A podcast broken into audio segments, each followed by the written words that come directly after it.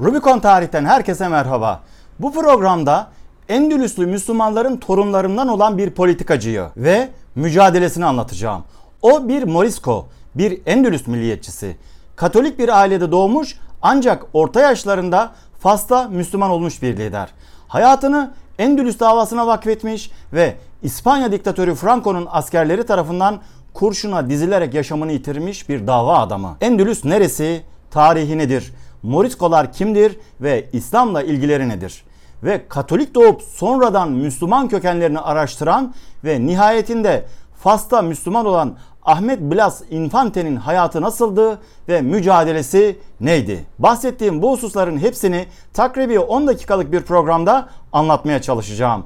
O halde vakit kaybetmeden programa başlayalım. Rubicon tarihi İspanya'da Endülüs milliyetçisi bir Morisco politikacı Ahmet Blas Infante dosyasıyla başlıyor.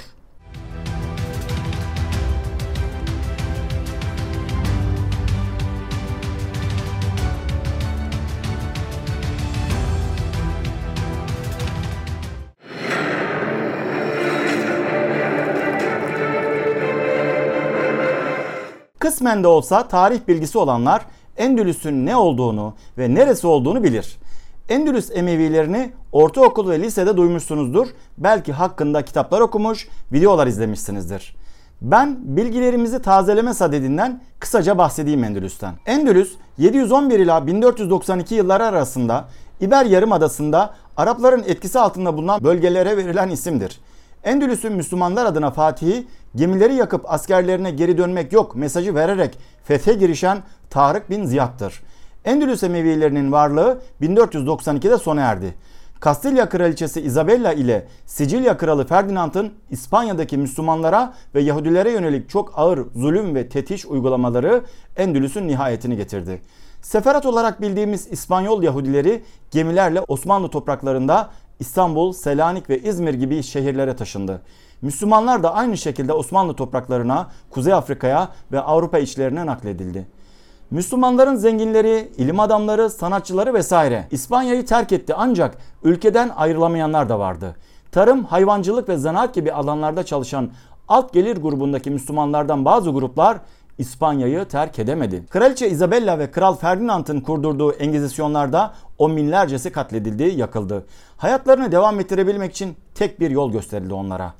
Katolik birer Hristiyan olurlarsa hayatlarını devam ettirebileceklerdi. Ve Müslümanların bir kısmı görünüşte olmak üzere Hristiyanlığa geçti. Sosyal hayatlarında bir Hristiyan gibi davranıyor ancak evlerinde ve yakın çevrelerinde Müslüman olarak yaşıyorlardı. Katolik İspanyollar onlara Morisco adını verdi. İspanya'da Müslümanlara esmer anlamına gelen moro deniyor. Isco eki ise aitlik ifadesini taşıyordu. Müslümanlığa ait olanlar. Cristianos Nuevos yani yeni Hristiyanlar tanımı da kullanıldı onlar için. İspanya'da krallık Moriskoların dinlerinden yani İslam'dan tamamen vazgeçip Hristiyanlaşmaları ve bu sayede asimile olmaları için bir dizi yasağı devreye soktu. Öncelikle İslami usullere göre kesimlerin yapıldığı mezbalar ve kasap dükkanları kapatıldı. Arap isim ve ünvanlarının kullanılması, Arapça konuşulması, Arapça kitap bulundurulması, çocukların sünnet ettirilmesi ve kadınların tesettüre uygun giyinmesi yasaklandı.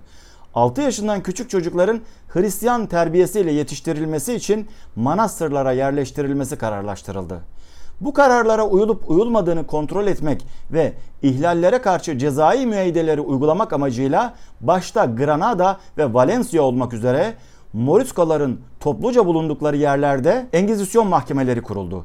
Bir Morisko'nun Ramazan ayında gündüz vakti kendisine sunulan yemeği yahut herhangi bir günde domuz etini yememesi, cuma günü temizlik yapması veya evini kilitlemesi, çocuklarına Müslüman kültürüne ait isim vermesi, Arapça konuşması, ağzından Allah, Muhammed lafızlarının birinin çıkması ve yatak odasında haç bulundurulmaması gibi sebepler Engizisyon mahkemesine sevki için yeterliydi. Mahkemelerde kendilerine yüklenilen suçu itiraf eden sanıklar, suç Müslümanlık, Müslüman olmak. Evet o sanıklar para cezası, mal müsaadelesi, kürek mahkumluğu veya yakılarak öldürülme gibi cezalara çarptırılıyordu.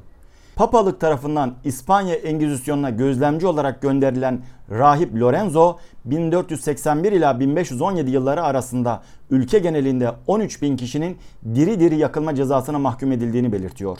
Moriskolar yüzyıllarca devam eden baskılara ve zulümlere rağmen mücadelelerine devam ettiler. Krallığın zulümlerine karşılık defalarca isyan ettiler, bağımsızlık mücadelesi verdiler.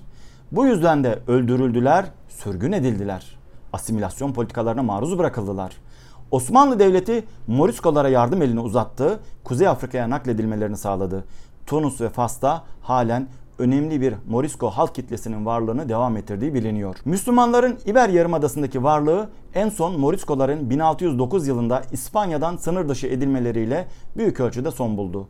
Ancak her şeye rağmen İspanya'yı terk etmeyenler de vardı. Katolik Hristiyan olarak yaşasalar da Endülüslü olarak biliniyorlardı. İşte onlardan biriydi Ahmet Blas Infante. Tarihe Endülüs'ün babası olarak geçti.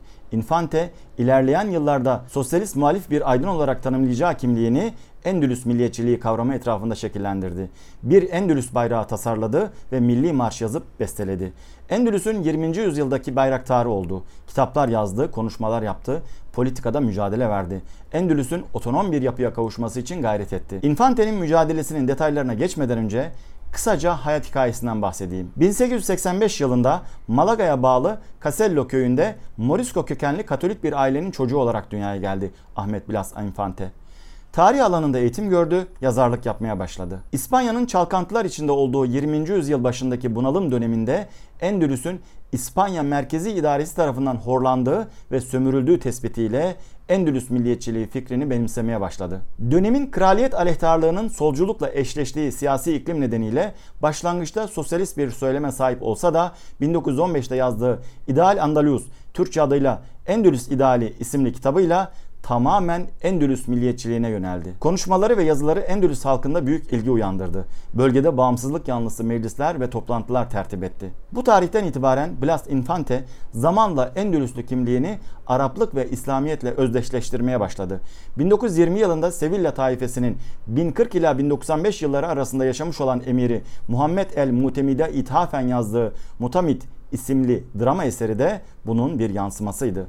1920'den itibaren Blas Infante Endülüs'te Arapçanın resmi dil yapılmasını ve Endülüs'ün İslami geçmişini simgeler şekilde kendi tasarladığı yeşil beyaz bir Endülüs bayrağının kullanılmasını savunmaya başladı. Fas ile Endülüs'ün kültürel ortaklığına vurgu yapan Blas Infante 1920'li yıllarda gerçekleştirdiği Fas ziyaretinde Faslı Müslümanlardan çok etkilendi kendi ifadesiyle Endülüs'te farkında olmadan İslam'ın izlerini yaşattıklarını, Endülüslülerin işlerinden, tarlalarından dönüşte temizlenmek için sırasına uygun biçimde abdest aldıkları gibi örnekler vererek Müslüman olmaya karar verdi. Fas'ta Müslüman olan Blas Infante, Müslüman olduktan sonra Ahmet ismini de aldı.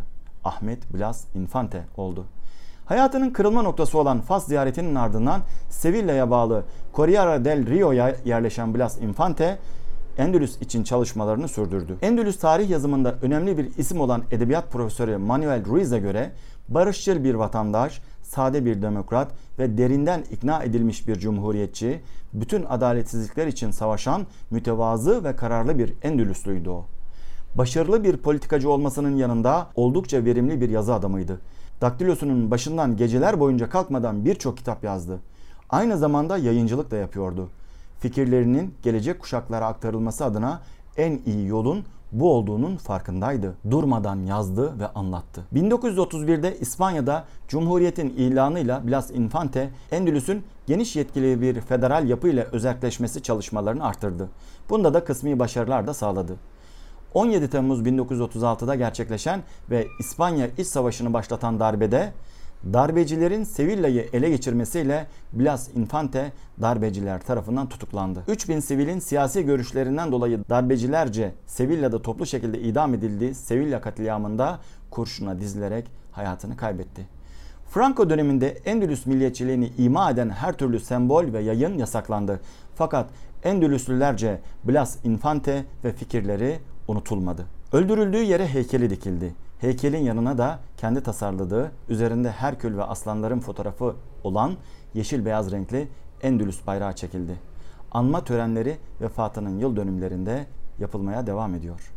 Evet, Endülüs'ün, Moriskoların ve Ahmet Bilas Infante'nin hikayesi özetle bu şekilde. Bir programın daha sonuna geldik. Yeni bir programda görüşmek ümidiyle. Rubicon portalı takipte kalın.